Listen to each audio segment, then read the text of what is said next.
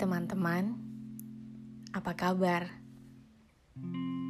Izinkan aku untuk berbagi cerita tentang pengalaman yang luar biasa yang terjadi dalam kehidupanku. Akhirnya aku terkena COVID, teman-teman. Walaupun sekarang aku sudah dalam kondisi selesai masa isolasi mandiri dan sudah dinyatakan negatif. Cuma di sini aku ingin berbagi bagaimana perasaan, pengalaman yang aku alami sepanjang aku berada dalam situasi terpapar COVID-19. Awal aku tahu kalau aku terpapar COVID-19, sama sekali tidak merasakan sedih. Karena aku sudah menduga dan sadar betul akan potensiku untuk terpapar COVID-19. Awalnya aku merasa ada beberapa gejala menunjukkan kalau aku punya tanda-tanda terpapar COVID.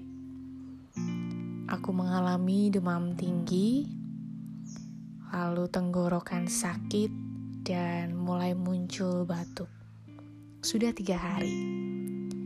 Lalu selama tiga hari itu aku memutuskan untuk swab antigen. Dan ternyata betul ketika aku swab antigen, aku dinyatakan positif COVID-19. ketika aku dinyatakan positif, yang pertama aku pikirkan dan aku rasakan adalah akhirnya aku kena juga. Bukan menanti-nantikan untuk terpapar COVID, tapi ternyata setelah sekian lama aku hanya melihat dan mendengar kabar, bahkan mendoakan orang lain yang terpapar COVID. Ternyata saat ini aku sendiri yang terkena COVID.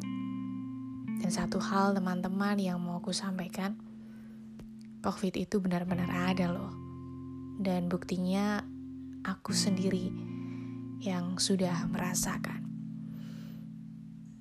Lalu aku memulai masa isolasi mandiri. Dan dalam masa isolasi mandiri benar-benar dibuat banyak terharu oleh kebaikan Tuhan. Melalui banyak orang yang benar-benar baik, selalu memberikan semangat, dukungan, dan doa, bahkan perhatian mereka yang sangat tulus untukku dan itu semua yang membuat aku untuk tetap semangat menjalani dan melalui masa isolasi mandiri selama 14 hari.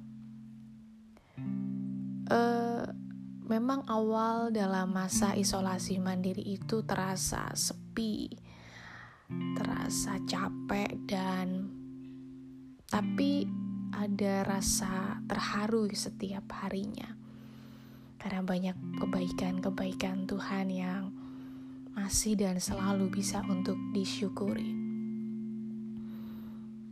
COVID itu tidak enak, teman-teman. Kita harus merasakan badan yang sakit, pernafasan yang tidak bisa leluasa seperti biasanya, lalu harus tersiksa dengan demam dan batuk lemas. Makanya kalau bisa teman-teman benar-benar menjaga kesehatan, imun tubuh yang baik dan juga protokol kesehatan. Uh, cuma mau sharing, aku terkena COVID bukan berarti lalu aku tidak melakukan prokes. Aku sudah melakukan prokes Aku tidak pernah pergi ke mana-mana kecuali kegiatan gereja dan sesekali hanya stok bahan makanan. Dan tidak pernah jajan di luar selalu masak setiap harinya. Dan kalaupun dapat makanan dari orang lain dari tetangga atau dari jemaat begitu selalu dipanasin dulu sebelum dimakan pakai masker selalu tidak pernah dibuka di tempat umum karena memang tidak berani. Lalu pulang dari ke mana-mana selalu mandi, keramas dan itu yang selalu aku lakukan. Dan tapi aku tetap terkena COVID dan mungkin karena ketika aku berpapasan dengan virus COVID-19 itu kondisiku sedang tidak fit, imun sedang menurun jadi uh, mudah untuk terpapar. Tapi oke, okay, itu hanya untuk pengalamanku dan mungkin juga untuk teman-teman. Covid itu ada dan sekali aku orang yang sudah menaati protokol kesehatan tetapi ternyata aku juga masih bisa terpapar apalagi yang gak menaati protokol kesehatan jadi tetap protokol kesehatan lalu lanjut dalam masa isolasi mandiri. Hari pertama, hari kedua masih demam dan masih sangat tersiksa dengan badan, capek, susah tidur karena batuk dan susah bernafas, walaupun nggak sesak yang sesak luar biasa nggak. Puji Tuhannya begitu. Dan selalu punya semangat baru untuk melanjutkan hari-hari berikutnya. Tapi tidak dipungkiri ketika masuk di hari ke-7, hari ke-8 dan seterusnya semangat mulai turun. Mungkin karena bosan dan mungkin juga karena ya ritme kehidupannya begitu-begitu saja. Makan, minum obat, tidur, istirahat, mau ngapain lagi? Paling juga cuma nulis-nulis dan mengisi waktu dengan nonton, hmm, menulis jurnal, ya begitu saja.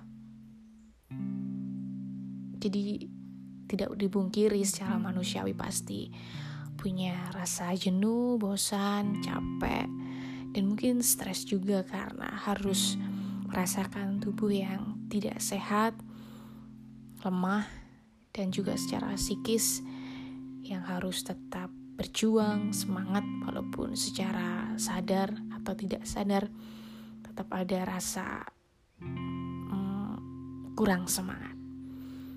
Tapi puji Tuhannya dalam situasi isolasi mandiri itu aku masih bisa bertahan dan aku masih bisa menikmati masa isolasi mandiri dengan situasi perasaan yang naik turun, semangat yang naik turun, bahkan juga kondisi badan yang naik turun.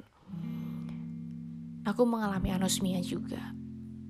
Uh, nafsu makan berkurang itu pasti. Tapi di awal aku berjuang sekali untuk tetap makan, walaupun hampir sampai hari keberapa itu terakhir-terakhir aku tidak suka makan nasi akhirnya hanya makan sayur dan lauk. Tapi it's okay. Jadi perjalanan hari pertama sampai ke 14 itu sesuatu yang luar biasa dalam kehidupanku. Bayangkan seorang Elizabeth Emilia Putri harus di rumah gak pergi-pergi, gak keluar-keluar dan gak ketemu sama orang lain selama 14 hari oh sebentar. 14 hari ditambah tiga hari karena gejalanya sudah tiga hari. Itu berarti 17 hari. 17 hari Elizabeth Emilia Putri yang dasarnya yang sebelumnya adalah orang yang selalu bertemu dengan orang lain yang selalu setiap harinya pergi dan ini harus di rumah. Struggle-nya luar biasa tapi lama-kelamaan menjadi sesuatu yang biasa karena ya memang harus menjalani begitu, tidak boleh untuk tidak begitu. Ketika masa isolasi mandiri, aku mencoba untuk melakukan hal sederhana yang setidaknya bisa menjadi berkat bagi orang lain yang kadang gak terfikirkan. Ketika isolasi mandiri, banyak orang yang datang untuk memberikan kiriman, baik buah-buahan, makanan, dan lain sebagainya dan aku mencoba untuk aku berguna bagi mereka. Salah satunya teman-teman dengan semprot ruangan depan ruang tamu dan kamar. Karena dalam pemikiranku virusnya supaya tidak mengenai mereka. Ya mungkin itu di luar nalar tapi itu salah satu cara untuk aku merasa bahwa ya walaupun aku di rumah aja, aku sedang sakit, tapi aku masih punya daya guna, masih punya masih berguna untuk mereka dengan cara tetap memperhatikan mereka yang datang ke pastori. Uh, mungkin ada beberapa hal yang aku rasakan sama isolasi mandiri ketika aku terpapar COVID. Yang pertama memang mau bilang COVID itu ada dan COVID itu benar-benar jahat menurutku. COVID itu menyakitkan. Jadi kalau bisa berdoalah dan tetap senantiasa menjaga kesehatan tubuh dan protokol kesehatan supaya COVID tidak datang atau kita jadi tetap sehat dan tidak terpapar COVID. Itu yang pertama. Tapi yang kedua, teman-teman. Aku mau bilang bahwa hidup ini misteri. Kenapa aku mau bilang hidup ini misteri? Kita nggak tahu ke depannya hari esok, hari kita itu akan seperti apa. Mungkin kita sudah berencana banyak hal, tetapi tiba-tiba rencana itu diubahkan. Karena itu semua misteri kita nggak bisa mengendalikan kehidupan kita. Yang bisa mengendalikan ya hanya Tuhan. Jadi apa yang perlu kita takutkan dengan kehidupan kita? Berserah aja sama Tuhan. Kenapa aku bisa menghayati bahwa hidup ini misteri? Awalnya ketika minggu pertama, aku harus mengikuti ibadah dalam perjamuan kudus yang seharusnya aku pimpin dan aku duduk, aku hanya duduk menikmati ibadah dan ambil bagian dalam perjamuan kudus. Di situ aku menangis luar biasa. Ternyata aku punya kesadaran bahwa ya aku manusia biasa dan aku manusia lemah Aku tidak layak untuk merencanakan apa pun dan memastikan hidupku dengan kekuatanku sendiri. Yang seharusnya aku minggu itu memimpin ibadah.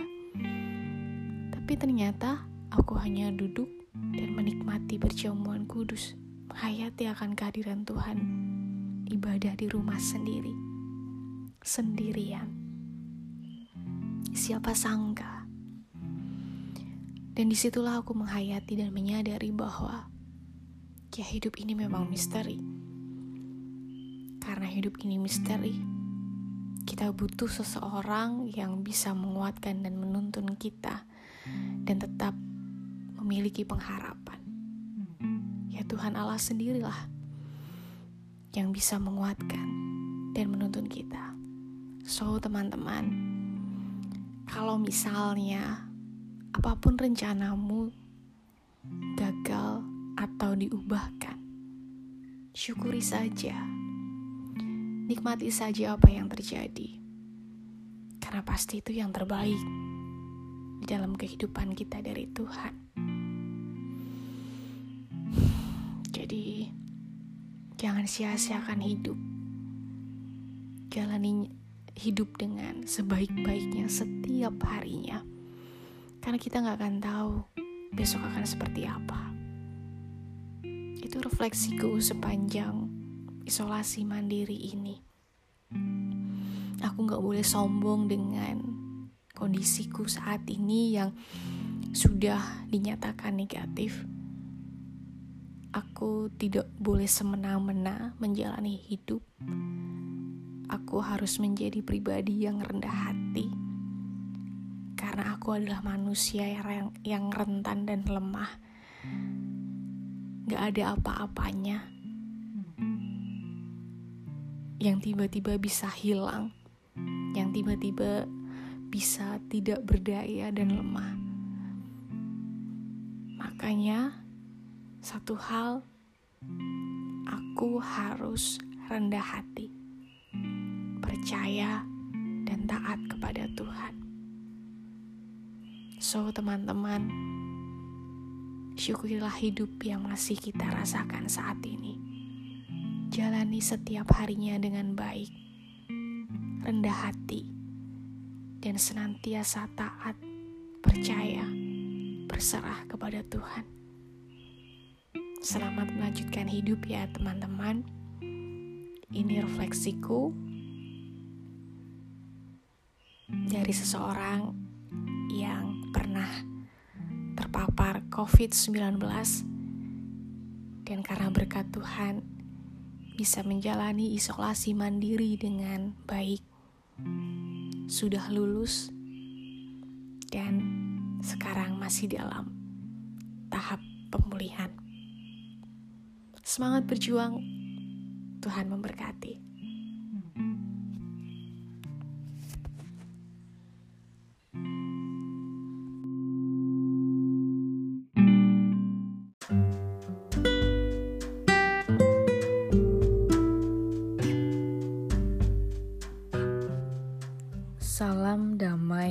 Sejahtera bagi kita semua. Saudara yang terkasih, hari ini kita akan bersama-sama merenungkan firman Tuhan yang diambil dari Yohanes 15 ayat 18 dan 19. Jikalau dunia membenci kamu, ingatlah bahwa ia telah lebih dahulu membenci aku daripada kamu. Sekiranya kamu dari dunia, tentulah dunia mengasihi kamu sebagai miliknya. Tetapi karena kamu bukan dari dunia, melainkan aku telah memilih kamu dari dunia, sebab itulah dunia membenci kamu. Jika dunia membenci, sebagai manusia yang hidup bersama dengan yang lain, tidak dipungkiri bahwa selalu ada orang yang tidak suka atau membenci kita. Ada yang suka, ada yang benci. Jadi, ada yang merespon kehadiran kita dengan baik, tetapi ada juga yang merespon dengan tidak baik. Itu kenyataannya. Dalam bacaan kita, Yohanes mengingatkan bahwa kasih Allah yang telah diberikan kepada dunia ini belum tentu direspon dengan baik. Ada kalanya kasih Allah terhadap dunia ditolak. Fakta inilah yang sebenarnya ingin diangkat oleh Yohanes. Bahwa Yesus telah terlebih dahulu ditolak oleh dunia.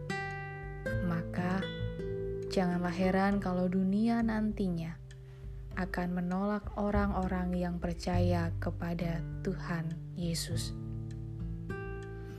Karena kita ini bukanlah dari dunia dan bukan milik dunia, maka dunia membenci kita.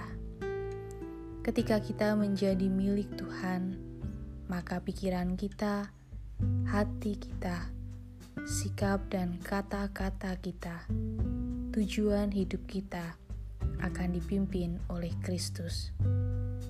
Dengan demikian, kita akan menjadi berbeda dengan apa yang diinginkan oleh dunia. Hal inilah yang membuat dunia membenci kita, karena tindakan-tindakan kita berbeda dengan dunia. Walaupun dunia membenci orang percaya dan mengalami penderitaan, tetapi itu semua terjadi karena orang percaya sedang mempermuliakan Tuhan. Dunia telah membencinya dan Bapaknya. Oleh sebab itu bagi kita yang dibenci oleh dunia karena namanya, tentu kita akan dibela dan ditolong oleh Bapa. Maka yang perlu kita lakukan di dunia ini adalah setia melakukan perbuatan baik agar dunia menjadi baik. Tinggalkan perbuatan jahat dan lakukan perbuatan yang mendatangkan damai sejahtera, sehingga dunia ini penuh dengan kebaikan dan damai sejahtera. Bukan lalu kita membenci dunia, tetapi ubahlah dunia dengan kebaikan dan damai sejahtera. Tuhan Yesus memberkati Bye.